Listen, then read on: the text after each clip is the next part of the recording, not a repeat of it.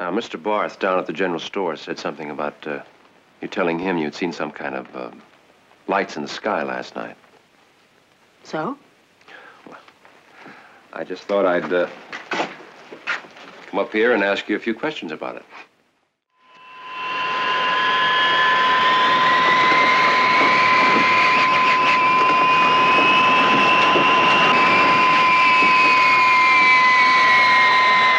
It has just landed a few hundred yards away.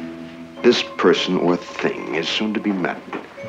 This is a mountain cabin, but it is also a clearing in the shadows, known as the Twilight Zone.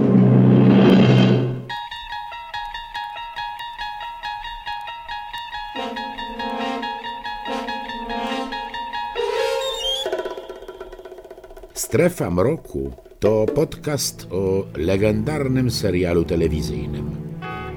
To relacja ze wszystkich odcinków oryginalnej serii prowadzonej przez Roda Serlinga. Omawiamy szeroki kontekst i wpływ, jaki wywarł ten serial na cały gatunek fantastyki, horroru i właściwie na całą kulturę.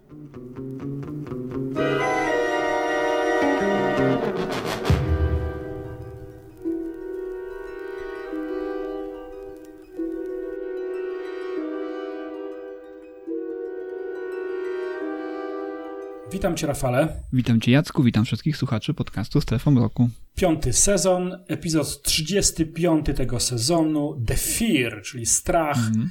mm, w reżyserii Teda Posta, bardzo nam znany reżyser, do scenariusza Roda Serlinga. I uwaga, y, no najpierw jeszcze informacja, która przed uwagą powinna paść, czyli y, po raz pierwszy The Fear, strach nadano 29 maja roku 1964, em, oczywiście w ramach e, ramówki telewizyjnej stacji NBC. No i mamy tą informację, dlatego uwaga, jest to przedostatni epizod Strefy Mroku. Mhm. Przedostatni. Tak. Potem omówimy jeszcze ostatni odcinek i koniec, zamykamy całą naszą cztero czy prawie pięcioletnią przygodę ze Strefą Mroku Roda Serlinga. Mhm. Tak się stało. Tak, tak. Roda Serlinga w tym akurat konkretnym odcinku, no można powiedzieć, że to jest schyłek y, twórczości y, Roda Serlinga, jeżeli chodzi o strefę mroku. To, to jest naprawdę taki bardzo, bardzo powiedziałbym reprezentatywny odcinek dla stanu twórczej, twórczego właśnie potencjału, który no, jak tutaj mm, widzimy w tym w przypadku tego odcinka uległ kompletnemu wypaleniu, wyczer- wyczerpaniu w tym momencie jak i oczywiście dla samej strefy mroku, bo, bo tak jak wspomniałeś, już za chwilę przekraczamy próg, wychodzimy ze strefy mroku, tej, tej oryginalnej strefy mroku yy, i na długo, długo yy, porzuca Rod i też widzowie, którzy musieli czekać na, na, na nowe odcinki, na nową iterację strefy mroku do lat 80., więc to jest już taki, powiedziałbym, schyłek schyłku się tutaj zbliża na, na naszej i, i naszej tej opowieści o, o, o strefie mroku Roda Serlinga i też oczywiście o, o, o tym, o tej epoce, bo, bo później lata 80. to oczywiście zupełnie inna epoka, inny czas, inna strefa mroku.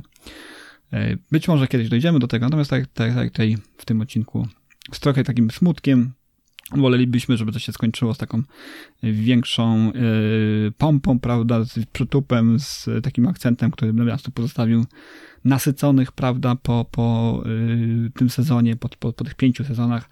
Okazuje się, że niestety, no tu już jest takie troszeczkę skrobanie y, dna, skrobanie tego, co łączenie pomysłów, które się już wcześniej pojawiły, niekoniecznie e, w jakiś zręczny sposób y, próba nadania jakiejś głębi temu, temu, temu tej historii, y, która znowu tutaj nie wychodzi, nie koreluje z całością tej opowieści. Więc no niestety, no z takim troszeczkę smutkiem i, i, i taką trochę też po, powiedziałbym wprost niechęcią tutaj opowiadamy o tym, że niestety no, ten odcinek również jest nie, należy do tych właśnie odcinków nieudanych, nie? Tym, tym, tym bardziej, że, że nie zostało nam już wiele do opowiedzenia o strefie mroku. No, możemy zdradzić naszym słuchaczom, myśmy zanim zaczęli nagrywać, to zastanawiali się, skąd y, mamy takie dojmujące, y, no, dojmujące uczucie smutku to oczywiście, ale dojmujące również uczucie pewnego déjà vu. Mm, Otóż ten epizod, który dzisiaj mówimy, bardzo nam się kojarzył z innym epizodem, y, jak y, krótko nam zajęło sprawdzenie tego, z czym nam się to kojarzy. Jest to jeden z epizodów drugiego sezonu, piętnasty, jak, jak mi podpowiedział internet, odcinek The Invaders. No i mm, tutaj rzeczywiście w tym epizodzie, no i chyba powoli możemy mówić w piątym sezonie, jest coś, co ty, y, Rafale, zapowiedziałeś, kiedy właśnie zaczęliśmy się zajmować piątym sezonem. Przypomnę od rewelacyjnego skądinąd y, odcinka In Price of Peep. No ale wtedy, pamiętam, powiedziałeś, że ten piąty epizod y, oceniany jest powszechnie jako... Piąty sezon. Nie epizod, Mhm. tylko, przepraszam, sezon oceniany jest powszechnie jako słabszy, a przede wszystkim jest, y, wieje pewną wtórnością. No i dzisiejszy epizod The Fear y, również przynosi nam y, tę, y, te, te, te, te przeczucie, o, prze, nie ma nawet nie przeczucie, no, uczucie wręcz pewnej wtórności. Mm, Jest to Serling, który sam siebie niejako kopiuje, sam Serling zaczyna y, w siebie sam plagiatować, to mamy takie wrażenie. Zwłaszcza jeśli myślimy o właśnie takim epizodzie, jak wspomnianym przeze mnie The Invaders. Nasi słuchacze, którzy nas pilnie słuchają, ewentualnie oglądają razem z nami, to wiedzą o co chodziło w The Invaders. No, chodzi tam o inwazję, ale jakże przekorną y, w wydaniu Serlinga. Tu też będziemy mieli do czynienia z czymś podobnym. Mm, Dodatkowo jeszcze pojawia się tutaj w tym epizodzie coś, co może zaczynało już w Stanach Zjednoczonych przypominać pewną gorączkę y, wśród y, amerykańskiego społeczeństwa, czyli pewne jego zwariowania na punkcie UFO. Y, Tutaj ewidentnie też przynajmniej pierwszy akt bazuje na strachu związanym właśnie z przybyszami z obcej planety. To jest coś, co będzie dominowało przez całą dekadę lat 70. i 80. Przypomnę chociażby rewelacyjny film Stevena Spielberga Bliskie spotkania trzeciego stopnia. Już nie wspomnę oczywiście o wielu odcinkach archiwum Mix. Nie wiem, czy to się zaczęło tutaj, wtedy, w strefie mroku. Tego, tego nie sprawdzaliśmy. Pewnie wcześniej już oczywiście było, bo to lata 50., ale y, ewidentnie The Fear to jest również y, epizod o tym. Pe, pe, pewnego rodzaju zwariowanie Amerykanów na punkcie właśnie zidentyfikowanych obiektów latających, które to obiekty niosą za, sobie, za sobą zapowiedź przybyszy z obcej planety. Trochę o tym ten epizod jest.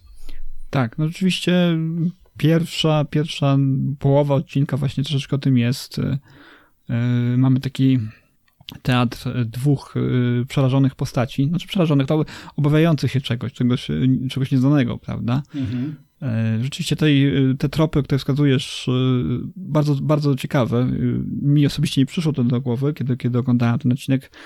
Natomiast rzeczywiście jest tu pewien taki vibe, który później został powtórzony w tych właśnie odcinkach mitologicznych Archiwum Mix, nie? że gdzieś ta pojawiające się światła, jakieś y, trzęsienie się ziemi, prawda? Mhm. Mhm, jakieś mhm. oddziaływanie sił wyższych, gdzieś tam w jakiejś głuszy. Oper- operowanie światłem też tutaj w dużą rolę odgrywa, co też Tak. bardzo często pojawiało się w odcinkach z archiwum Mix.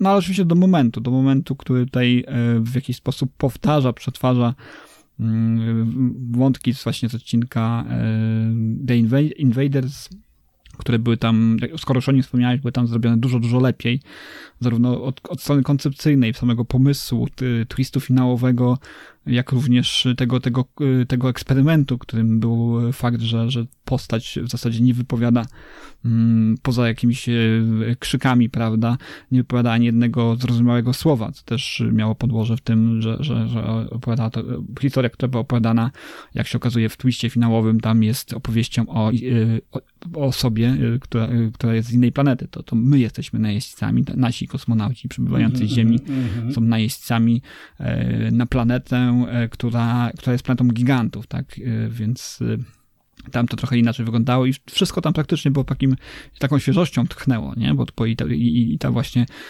stylistyka i forma, w jakiej to jest sprzedane, prawda? Tam też różne takie interesujące ujęcia. Tam chyba się tylko, śmieliśmy się z jednej rzeczy, bo, bo ten, ten kosmonauta, który nam się ukazuje, jest taka, wygląda jak zabawka Tak. jakaś taka, taki, taki powiedzmy Pi Sigma Jak, troszeczkę. mówiliśmy jak ludzik Michel, Tak, Michelina. Jak, jak Michelina. Michel- tak, tak, Michelin. Tak, Michelin, czy Mich- Michelin.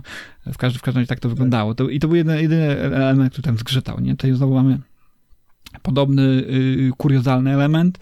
Natomiast no, cała reszta tutaj od tej właśnie też formalnej nawet nie, nie, nie stoi blisko tego, tego odcinka, tej, tej, tego czegoś, Mhm. co, co, co, co działo się tam. Tam, ten odcinek cały czas, cały czas trwał nas tak krawędzi strachu. Tutaj jednak jest taki troszeczkę dramat dwojga osób, niezbyt sympatycznych, powiedziałbym, z którymi trudno jest empatyzować w jakikolwiek sposób. Dobrze zagranych ról oczywiście też tutaj nie można im odmówić, natomiast jest tutaj ten odcinek o tyle trudny, że, że ja do samego końca nie wiem dokładnie, w jaki to jest, jaką tezę tutaj próbował udowodnić Serling, tak? A widać, bardzo mocno widać, zwłaszcza po tej pierwszej części odcinka, że on tutaj próbował sprzedać nam jakiś taki koncept bardziej poważny, nie? Znowu próbował wpleść jakąś taką poważną rzecz dotyczącą natury naszego strachu, rzeczy, które właśnie gdzieś tam wyolbrzymiamy, nomen omen w naszej wyobraźni do momentu, kiedy no, tak naprawdę na sprawę dojdziemy do tej właśnie rewelacji, tego, tego poznania, z czym mamy do czynienia. Wówczas ten strach okazuje się czymś, co było ograniczało nas w jakiś sposób, było zbędne e, w obliczu danej sytuacji. To, to, to jest chyba taki, taka wykładnia tego odcinka, że, że po prostu Sterling chciał tutaj pokazać, że czasami boimy się rzeczy, których, które, które, których nie warto się bać, które, które sami sobie stwarzamy w głowie dużo groźniejszy obraz tej, tej, tej, tej, tego, czego, czego się boimy, niż, niż w rzeczywistości tym się okazuje. Natomiast no, to jest takie, mm, jakkolwiek to nie brzmi banalnie, to, to jednak e, wydaje mi się, że o poważnych rzeczach, ubierając je właśnie w te, w te szatki, e, sztafasz science fiction, udawało się do tej pory Sterlingowi, poza kilkoma nielicznymi wyjątkami, mówić lepiej, albo ciekawszy, tej, ciekawszą myśl zawrzeć, nie? Bo, bo dla mnie to jest taki, jak tak wspomniałem wcześniej, banał, i do, który dodatkowo jest podkreślony w finale tego odcinka. What was it? The noise and the lights. A meteor or maybe an aircraft off its course. Those would be the rational explanations. Give me an irrational one. maybe something from outer space. E, tak, tak, muszę się z tym zgodzić. Przejdźmy może do y, opisu, bo trzymamy cały czas naszych y, słuchaczy w niepewności. Szybko sobie poradzimy z tą niezwykle prostą fabułą, bo nawet to, co jest charakterystyczne dla strefy mroku, czyli ta odwrotka, może nawet tutaj będą dwie odwrotki na końcu, ale ona w jakiś sposób też się wpisuje w rodzaj takiego no, jakiegoś slapsticku nawet można powiedzieć. Jest tu, jest tu komedia, która, która oparta jest prawie na bananie, że tak powiem. chyba wiem, o czym mówisz. Znaczy, czy chyba ja, ty wiesz, o czym mówię. Przepraszam, przejęzyczyłem się. E, no, zacznijmy może od tego, że mamy tutaj rzeczywiście teatr dwóch aktorów. I to też nie jest żadne zaskoczenie. Mieliśmy wielokrotnie takie epizody i one były nawet niezłe. Mm, poznajemy samotnie mieszkającą kobietę gdzieś y, na takim bezludziu w domu i ta kobieta o imieniu Charlotte, grana tutaj przez Hazel Card, ona mm, od jakiegoś czasu przeżywa y, właśnie jakieś niepokojące y, zjawiska, obserwuje i przeżywa to, boi się tego, jakieś światła, jakieś może wyładowania atmosferyczne, cholera wie co to jest, jakieś dźwięki. No i y, ona kontaktuje się z lokalnym szeryfem, Markiem e, Richmanem, takim właśnie szeryfem, którego ratuje Peter Mark, e, przepraszam, Peter Mark Richman to jest aktor, a gra tutaj postać, która nazywa się Robert Franklin. On się pojawia, na początku dosyć sceptycznie podchodzi do tego, co ta kobieta mu przedstawia, no bo jakże miałby uwierzyć w to, że mamy tutaj czynienia z jakimś dziwnym zjawiskiem. Ym, no, różne rzeczy mogą dziać się. To warte podkreślenia, oczywiście to się wpisuje wspaniale w kanon niemal wszystkich opowieści o UFO. Oczywiście to wszystko, y, o czym mówi kobieta, dzieje się w nocy. Y, te, te dziwne światła, one rozświetlają właśnie niebo, ale nocne. Co ciekawe, teraz zwróciłem na to uwagę, trochę mnie to rozbawiło, ten oto lokalny, można powiedzieć wioskowy policjant jest y, niezwykle wyrafinowanym człowiekiem, sam cytuję na przykład Szekspira, mm. y, naprawdę nie, nie, nie, nie umniejszam y, policjantom mm, tak, tak, tak. Mm. amerykańskim, zwłaszcza tym, y, którzy pracują na prowincji, ale raczej ufam jednak filmom braci Cohen i y, przedstawianiu y, właśnie przez tych reżyserów y, policjantów lokalnych i... Ale on z, jednej strony jest taki właśnie jakby, tak jak wspomniałem, troszeczkę uduchowiony, mm -hmm gdzieś tam mówi właśnie tymi cytatami z Szekspira odnośnie do tego elokwentny jest bardzo, a z drugiej strony wciąż pozostaje tym takim w ramach tego archetypu mężczyzny, prawda, takiego policjanta szorstkiego strasznie, takiego kowboja troszkę w jakimś tam stopniu, który tutaj temperuje panią, zdaje się, producentkę czy, czy, czy specjalistkę od reklamy, e, która tutaj no, próbuje taki, tak, tak, taką gwiazdę, diwę grać troszeczkę, nie? W tym momencie, traktuje go właśnie z góry jako takiego, no, wsiowego głupka, którego, którego, no, warto sprowadzić do parteru, pokazać mu, kto tu jest y, gwiazdą, a kto nie, nie? Haven't you ever heard of an emergency brake? Yep, heard and used. But this emergency brake was on.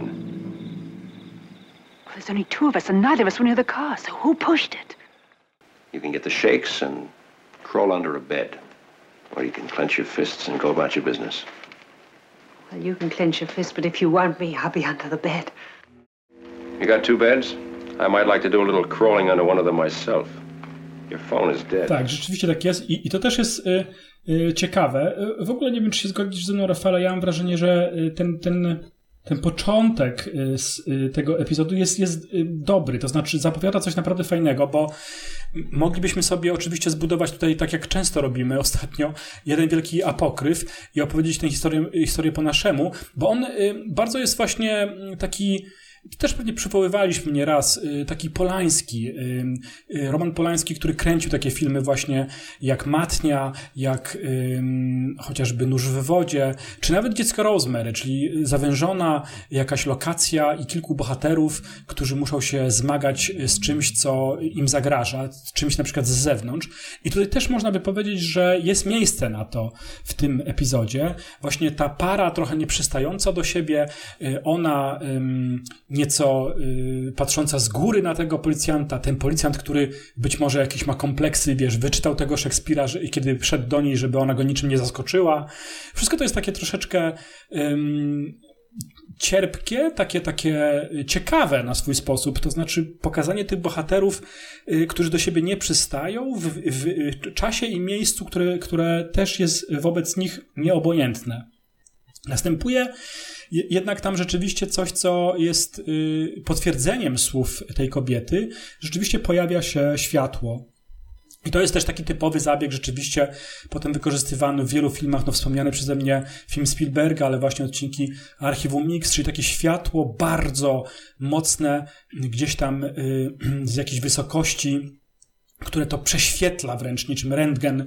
Y, jest tam, pamiętasz y, na pewno dobrze takie ujęcie, to światło, taki, taki spotlight, jak mówią Anglicy, które uderza wprost w obiektyw kamery, razi nas mm. widzów, więc to jest też taki zabieg powiedzmy z pogranicza horroru, ale też również właśnie z tych wszystkich znanych nam zabiegów mm, filmów, które ukazują inwazję obcych, które, która to inwazja obcych y, jest przynoszona za pomocą statków jakichś międzygwiezdnych. No i nasz y, bohater, no, nasz bohater, no ten policjant, bo mamy dwojga bohaterów, nie ma wyjścia, tylko musi stawić y, czoła, no bo przecież jest policjantem i y, wychodzi na zewnątrz tego domu i zaczyna szukać źródła tego światła. To, światło znika, to znaczy jakby wyłącza się, natomiast on natrafia na coś dziwnego i to też jest na swój sposób ciekawe moim zdaniem i też wpisujące się oczywiście w kanon tych wszystkich opowieści o UFO. Otóż samochód w lesie, który on zostawił, to jest jego radiowóz, jak dobrze pamiętam, jest przewrócony po prostu. Jakby ogromna łapa przewróciła ten samochód, on leży tak y, na boku fajne to jest, jakby wizualnie, bo, bo pamiętajmy, Strefa Mroku to serial telewizyjny, serial, mm -hmm. który zazwyczaj nagrywany był w, w halach studyjnych, tutaj też tak mamy, jest odtworzony oczywiście cały las, no i ten samochód tam jest nie rozwalony, tylko właśnie taki przewrócony. On tam również znajduje na tym samochodzie ogromne ślady linii papilarnych. To są takie jakby mm, odciski palców. Odciski mhm. palców, tak, tak. Swoją takie drogą, białe, białe, takie białe, białe, tak, jakby zostawione, mm, mm. jakby emitowały też jakąś, jakąś dziwną radiacją te, te, te ślady. To jest fajnie zrobione, chociaż oczywiście w naszej kopii, z której my korzystamy, Blu-ray, mm. świetnie cyfrowo odtworzonego epizodu The Fear, widać, że to są naklejki. No, naklejki, no, tak. No, widać, widać to. nawet, nawet widać cień niedoklejenia, znaczy w którymś miejscu, w którym naklejka odchodzi, y, pada taki cień właśnie z niej na karoserię, więc to, to takie trochę, no rzeczywiście, przekleństwo, po raz kolejny przekleństwo y, i dobrodziejstwo y, właśnie wydań odnowionych cyfrowo, odrestaurowanych, gdzie takie właśnie szczególiki wychodzą i troszeczkę wybijają jakby nas z tej rytmu opowieści, jakkolwiek pomysłowy by koncept nie był, to, to jednak to wypada troszeczkę kuriozalnie, prawda? Jak te suwaki właśnie na, na, na, na kostiumach potworów, które dzisiaj możemy odnaleźć właśnie w tych horrorach, nie? Tak to ni niestety wypada. No nie, nie ma ucieczki od tego typu spraw, mm. jeśli oglądamy film w jakości takiej no, 2K y, musimy to zauważyć. Skądinąd y, sam, sam zabieg jest ciekawy, moim zdaniem. No więc y, nasi bohaterowie, a my z nimi, widzowie, stajemy przed takim, przed takim y, dylematem. Otóż musimy domniemać, że mamy do czynienia z inwazją olbrzymów, chyba, którzy posiadają dłonie i linie papilarne, tu się śmieję oczywiście, bo to jest kuriozum, yy, olbrzymów, którzy yy, dysponują niewiarygodną siłą, oczywiście są w stanie przewrócić chociażby samochód yy, albo nie wiem, łamać drzewa i tak dalej, i tak dalej. Y, no jest to, wygląda to naprawdę groźnie, no bo przecież jeśli ktoś potrafi przewrócić samochód, no to nie stoi nic na przeszkodzie jak King Kong, żeby złapać przecież naszych bohaterów i, i nie wiem, w dłoni, ścisnąć ich tak mocno, aż stracą przytomność. Więc tutaj to zagrożenie zaczyna być mm, nie tylko strachem przed jakimś e, światłem, które nas mrozi, ale również przed siłą, potencjalnie oczywiście, bo tego nie widzimy, jakiegoś olbrzymiego kosmity. No i y, tu się kończy noc. Ja jakby przyspieszam, bo, bo zbieram się już na to, co mi się najmniej podoba w tym epizodzie, czyli ten fragment y, dnia. Nasi bohaterowie opuszczają y, to miejsce schronienia, domu. Mm, no i razem próbują y, opuścić zagrożony region, możemy powiedzieć. No i trafiają rzeczywiście na olbrzyma. Y, ogromną ludzką postać, z tym, że ubraną w jakiś taki kostium, tak to się, tak to się nam wydaje, tak wygląda, ale jednak y, nie jest to do końca człowiek, ponieważ jest to cyklop, możemy powiedzieć, taki wręcz y, mitologiczny. Jakaś postać z jednym ogromnym okiem y, znajdującym się na twarzy. Strach blady pada na naszych bohaterów, y, ona chce uciekać, jednak policjant staje na wysokości zadania, wyciąga rewolwer, strzela do tego ol, olbrzyma. No i teraz muszę już naprawdę bardzo się bronić przed tym, żeby się nie śmiać, ponieważ y, ten, dlatego wspomniałem o bananie, y, ten oto kosmita okazuje się ogromnym, dmuchanym balonem. I poprzez te strzały naszego policjanta ten balon się spuszcza z głośnym sykiem, um, opada mm. i mhm. staje się takim flakiem leżącym na trawie. Oczywiście to powoduje tak, opa, opa, op, również upadek, czy też opadnięcie bardziej emocji naszych bohaterów. Mm. Natomiast jest jeszcze, to jest jedna taka powiedzmy puenta, czy też przewrotka, następuje jeszcze jedna przewrotka obok tego balonu w kształcie ogromnego człowieka, kosmity. Oni coś słyszą, jakieś dziwne, takie piskliwe dźwięki. Okazuje się, że tam również na tej polance, na której znajduje się ten balon, jest niewielkich rozmiarów spodek latający. Ja wiem, przypominający może trochę większą miednicę. Oni tam zaglądają i tam widzą miniaturkę kosmitów, takich małych ludzików, wielkości, no, w, nie wiem w jakiej skali, 1 do 6 człowieka, takie malutkie y, postaci, które piskliwym głosem mówią, że fortel się nie udał, ludzie odkryli, że to tylko balon, nie mamy wyjścia, musimy jak najszybciej opuścić tę niegościnną planetę, ponieważ nasza mistyfikacja została odkryta. This is what we've been frightened of. Take a look at it, Miss Scott. Entire operation ended by Earthmen's failure to be frightened. Repeat, Earthmen's failure to be frightened. Request permission to depart Earth. Repeat, request permission to depart Earth. Please, oh please, great leader, let us depart before they crush us.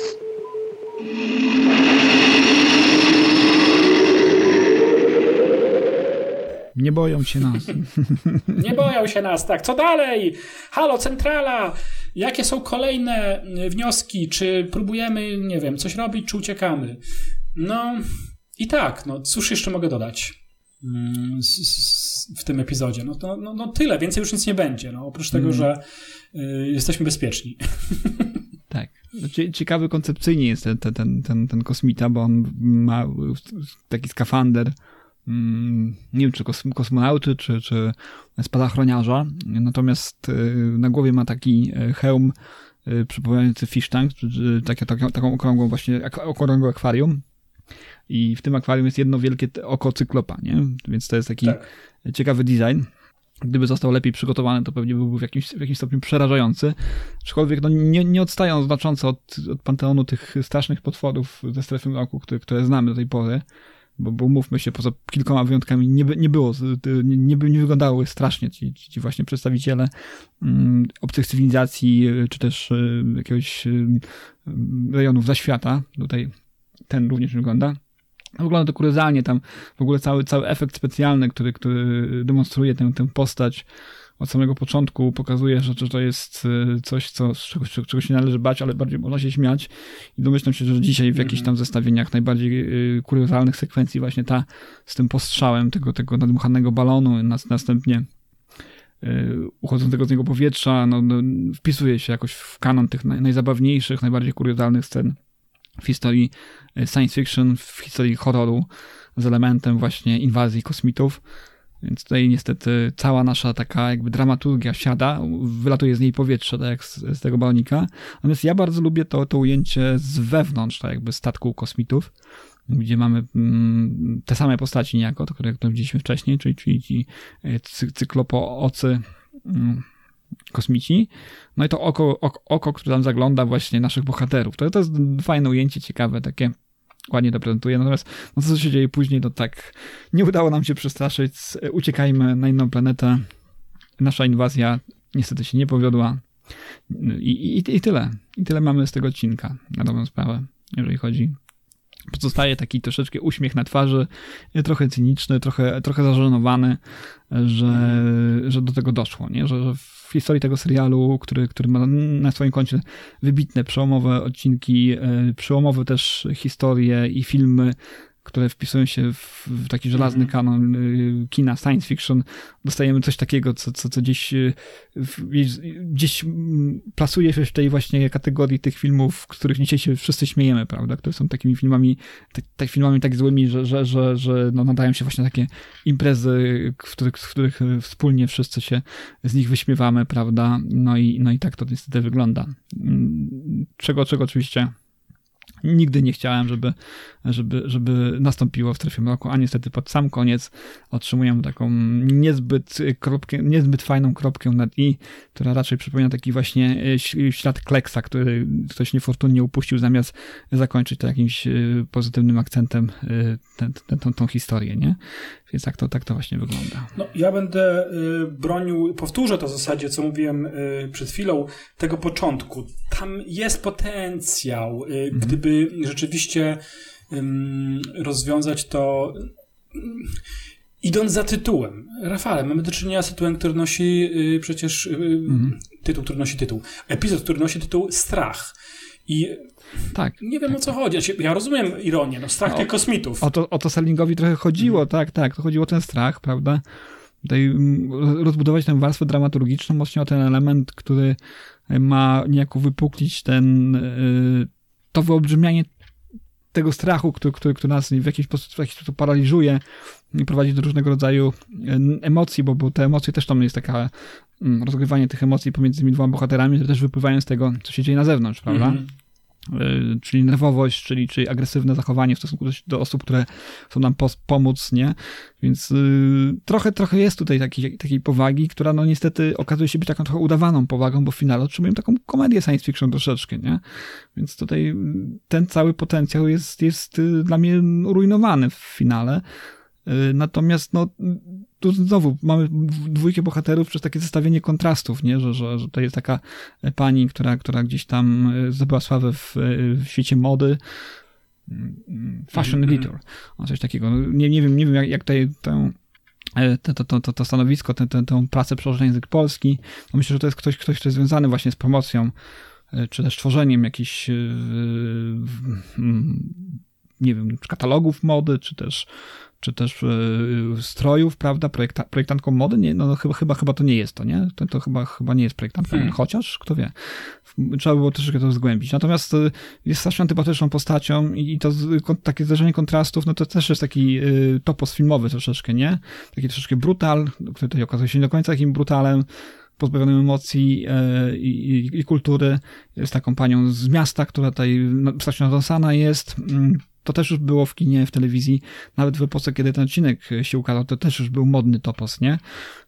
Więc tak, no ale niestety no później mamy E, takie właśnie rozwiązanie sprawy, które zbacza w kierunku takim niezamierzonej komedii, bo to, bo to umówmy się, to komedia nie jest, a jednak wzbudza jakiś taki uśmiech y, y, mm, i, i no sprawia to ten, ten, ten, zwizualizowanie tych kosmitów i to, jak to jest rozegrane na samym końcu, prawda, to uchodzenie powietrza z tej, tej, tej atrapy kosmity i ten cały pomysł w ogóle, prawda, z tym stworzeniem tej takiej y, y, zagrożenia, które tworzą te kosmici, jakieś tam fale elektromagnetyczne, odciski na karoseli, nadmuchany kosmita, no to, to, to jest tak, tak głupio to wygląda, no niestety jak mhm. brzmi, nie? kiedy o tym mówimy.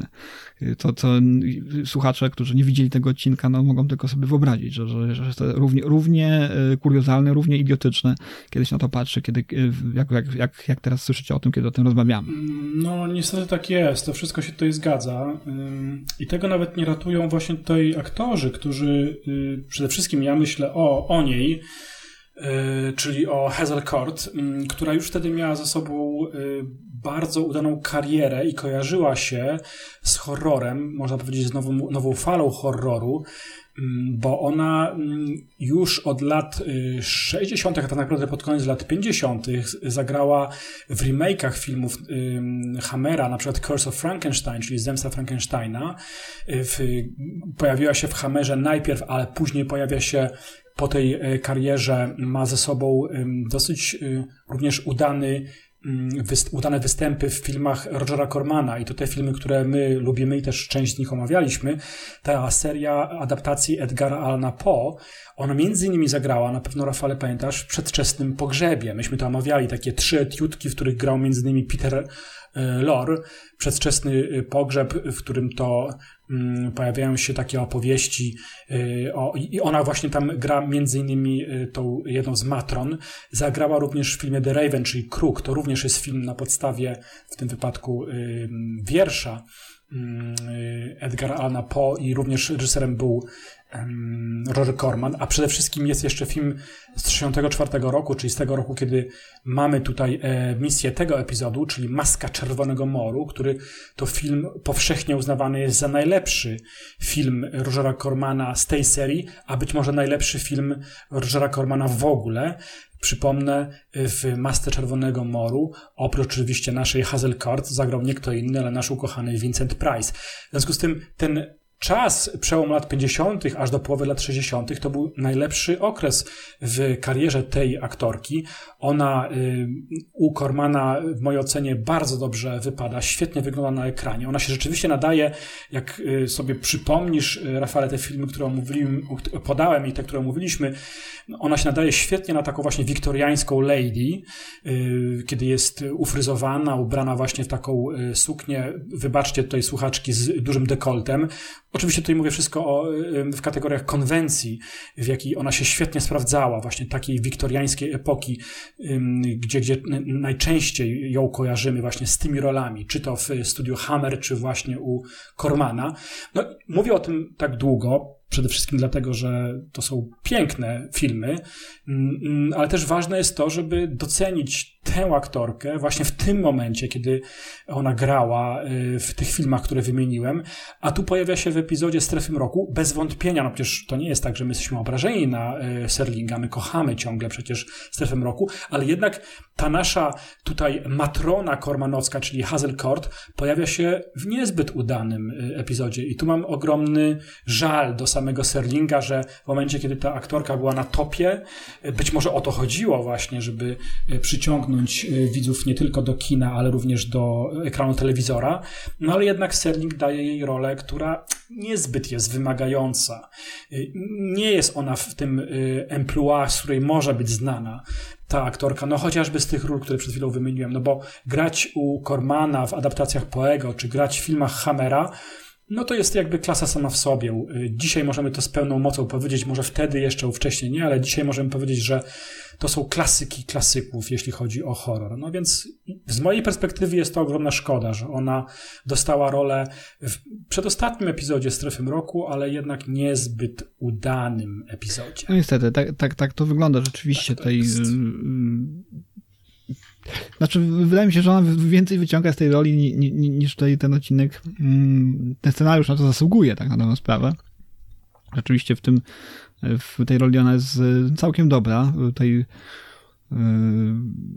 no, wzbudza antypatię, czyli, mhm. czyli na samym początku jest taką postacią, która, która, która znaczy tak odgrywa tę rolę w ten sposób, który, który powinna, więc ja akurat nie mam żadnych zastrzeżeń, tak? No więc tak.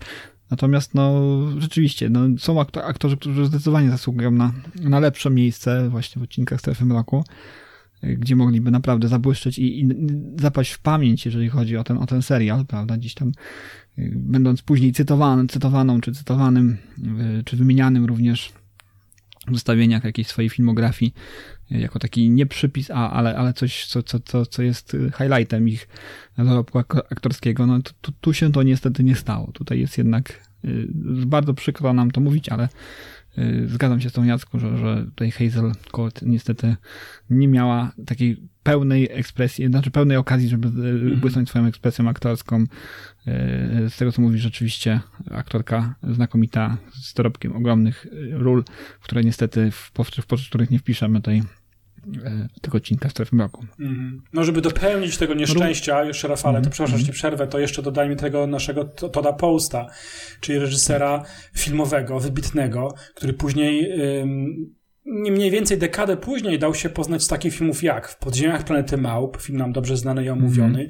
Mm -hmm. Może nie jest to najlepszy film na świecie, ale jest niezły. Natomiast yy, dekadę później, po tym epizodzie, on nakręcił Siła Magnum, czyli kolejną część yy, przygód, no przygód to źle brzmi, yy, sequel do Brudnego Harego. Brudny Więc y, taka, taki top topów, jeśli chodzi o kino akcji z lat 70. Więc jest to też świetny reżyser, podobnie zresztą mm. jak na przykład Richard Donner. Tu niestety, muszę to powtórzyć, y, tak jak y, mówiłem w wypadku y, Hazel Court, to, Ted, to nie jest najlepszy epizod Teda Posta, bo on to nie pierwszy raz jest w strefie mm, roku, mm. a na pewno nie jest to najlepsza rzecz, jaką on zrobił w ogóle w swojej karierze. No, chociażby Siła Magnum, czy, czy ja bardzo lubię, to też wystarczy sięgnąć do naszych epizodów dawniejszych w podziemiach planety mm. Małp. No tak, no Ted Post oczywiście tutaj, co prawda pokazuje siłę y, broni palnej. jest, jest jeden z rewolwerów, w jaki są właśnie wy, wyposażeni właśnie State, trooper, state Magnum, Trooperzy, tak. tak. Nie wiem, czy to jest akurat Magnum.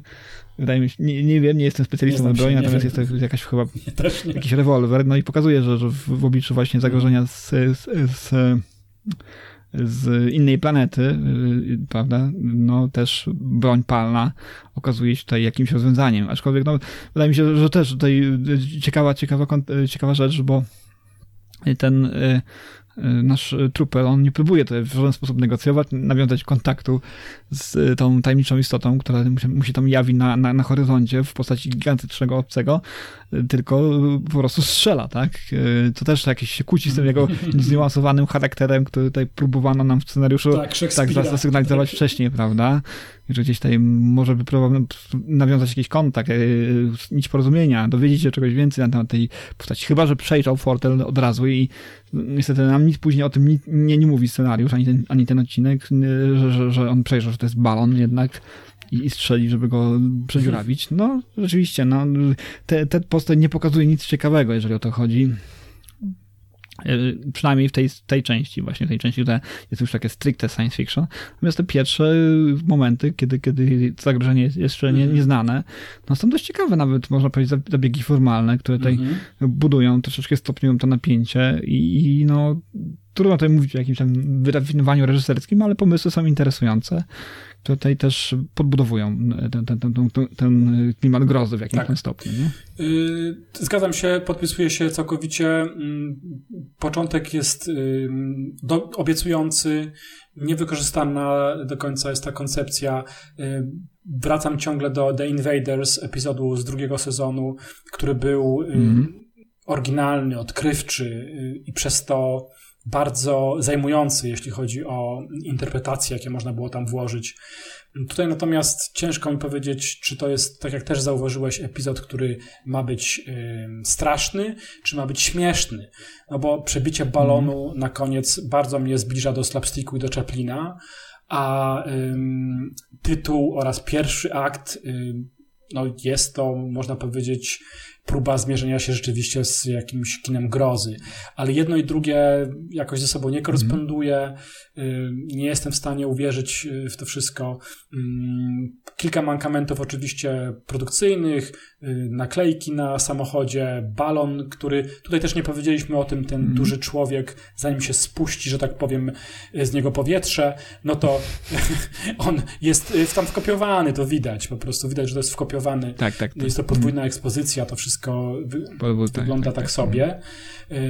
A kiedy, kiedy już... Bardzo, bardzo słabo, no... tak, tak, tak, bo jako, jako, jakość, jakość rekonstrukcji też jest gorsza w tych momentach. W ogóle nie wiem, nie wiem czy to jest jakiś problem właśnie dla, dla y, specjalistów od y, restauracji cyfrowej, a, ale rzeczywiście te wszystkie sceny, większość scen właśnie, które wykorzystują podwójną ekspozycję, wypada bardzo, bardzo blado i sztucznie i wyraź, wyraźnie gorzej niż e, reszta scen właśnie z takiego odrestaurowanego odcinka, czy też filmu. Tak. Nie wiem, czy to jest z czymś związane konkretnym. Yy, czy taś, mhm. taśma gorzej tak. poddaje się rekonstrukcji w przypadku takich scen? Na pewno tak. Ale to widać i, i to, bardzo, i to bardzo boli w oczy. Mm -hmm, tak, tak, tak. Zmienia się kontrast. Przede wszystkim przychodzi takie ziarno, czyli więcej jest pikseli. Tak, to jest związane z tym, że oni musieli wielokrotnie na, na naświetlać taśmę filmową i ta taśma przez to no, ulegała y, chemicznie degradacji, to znaczy konkretne naświetlania, czy też powtórne bardziej naświetlania powodowały, że kontrast się zmieniał, ta taśma po prostu traciła na jakości. Teraz bardzo ciężko jest rzeczywiście coś z tym zrobić, zwłaszcza kiedy mamy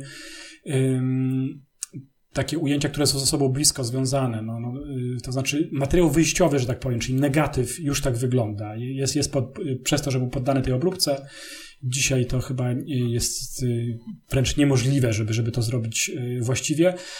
I przez to to też wygląda bardzo kulawo.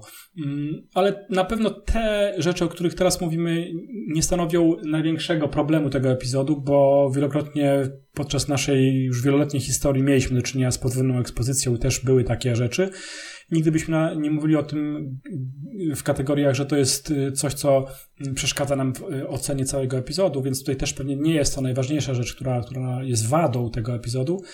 Raczej yy, wydaje mi się, że to, co yy, my jako badacze możemy powiedzieć, to to, że Serling się wypala. To, co powiedziałeś na samym początku dzisiejszego nagrania, Rafael. Oj, to już jest naprawdę koniec. To już jest, yy, powiedziałbym, skrobanie, tak jak powiedziałem chyba wcześniej, nawet tak. skrobanie w dno jego, jego, y, jego, jego jakiś... Yy, Szuflady czy... pomysłów, nie? Tak, tak, tak, jego, tak, tak, tak. To, to jest naprawdę, tej, yy, widać, tak, y, jakby się przymuszał do stworzenia tego, ten, tego, tego odcinka, jakby naprawdę gdzieś tam miał z tyłu głowy jakąś fajną rzecz, o której chciałby opowiedzieć, jakiś fajny punkt, yy, jakąś fajną, znaczy jakąś, jakąś yy, interesującą cechę ludzkiej natury, którą chciałby tutaj podkreślić. Natomiast no później wychodzą z tego właśnie takie potworki, bo, bo nie do końca ani miał czas na to w tym czasie, w tym momencie, kiedy tworzył ten odcinek, ani też chęci jakieś takie szczególne i też to oczywiście o to, o czym wspomnieliśmy wcześniej, na samym początku omawiania tego sezonu, niedobrze tam mu się układało do końca z producentem tego, tej, tej, tej serii, y, który też tam bardzo wiele pomysłów torpedował albo stawał koniem, jeżeli chodzi o e, koncepcję i, i, kierunek, w jakim ma podążyć serial. Więc tutaj dużo, dużo takich się złożyło rzeczy, które, które sprawiły to, że, że brak tutaj serca i ducha w tym odcinku. Nie? Mm -hmm. Więc y, to niestety mamy efekt tego na, na ekranie i, i w ciągu tych kilkunastu minut odcinka widać, że, że jednak coś, coś tu nie było nie tak do końca. Natomiast tak jak e, omawialiśmy bardzo często, wydania Blu-ray i niektóre odcinki e, e, i do, dołączono tam dodatki, ich tak jakby ilość była odwrotnie proporcjonalna zawsze do tego, jak, jak, jak my odbieraliśmy ten odcinek, jak, jak popularnym on był. I tak jest w tym przypadku. No nie za wiele jest do powiedzenia, to jest za kulic, prawda, o tym odcinku. Nic tutaj się ciekawego nie wydarzyło, o czym warto by wspomnieć. Nawet wciąż właśnie w Troopera, Peter Mark Richman niewiele ma do powiedzenia tej naszemu y, Martinowi Williamsowi, y, twórcy mm -hmm. no, mhm. znakomitej monografii na temat mm, serialu Strefa Mroku i to jest to, o czym bardzo często mówimy i o czego się śmiejemy, że, że gdzieś tam starszego pana, który już dawno zrezygnował z kariery aktorskiej, wywołano do tablicy i on tutaj właśnie mówi, mm -hmm, że no, mm -hmm. ja niewiele pamiętam, bo to było 40 lat temu. E, pamiętam, że, że Rod Selling był bardzo miły i tutaj złego słowa na, na jego temat nie mogę powiedzieć. E, a dodatkowo no, z Hazel Court grało mi się bardzo dobrze, wymieniliśmy się numerami. I to w zasadzie tyle, co ma tutaj do powiedzenia Peter Mark Richman y, y, na, temat tego odcinka, natomiast kilka słów wspomina na temat Teda Posta, z którym współpracował później w jakichś y, serialach telewizyjnych, bardzo popularnych prawdopodobnie w Ameryce, mniej znanych w Polsce, czyli taki serial We Did Combat, który jest podobno mm, bardzo, bardzo znany i popularny. I, nie wiem, również film Yuma, nie wiem, czy to jest jakaś wersja trzeciej dziesięć do Yumy. E, e, być może, no i jakiś e, serial nowszy, Four, Faces, którego ja również nie widziałem, nie wiem o nim zbyt wiele, ale współpracował właśnie tam Richman z Tedem Postem. W żadnych z tych produkcji, o których ty wspominasz, czyli, czyli o, o, o podziemiach czy też o mm, późniejszym dziele mhm. Siła Magnum, tej niestety nasz strzelający najpierw strzelający, potem pytający e, trooper, e, state trooper, czyli e, Peter Mark Richman nie brał udziału, więc tutaj tylko tyle zdawkowo, no i, no i tylko celem zaznaczenia tego, że, że tutaj udało się autorowi tej monografii dotrzeć do kogoś, kto miał coś wspólnego ze strefą roku, z tym konkretnym odcinkiem. Więc tutaj żadnej wartości takiej, powiedziałbym, dodanej, która by rozszerzała tutaj nasze punkt widzenia, czy też horyzont, w jaki, z jakiego postrzegamy właśnie ten, ten odcinek, w jakim postrzegamy ten odcinek, nie ma, niestety. Miałem dokładnie to samo, naprawdę nie muszę się powtarzać. Y, y, posłuchałem tego komentarza i przeleciał on y, te dwadzieścia parę minut przez moje uszy i w zasadzie nic się nie dowiedziałem. To, to jest też taka mm, powracająca, nazwijmy ją, choroba.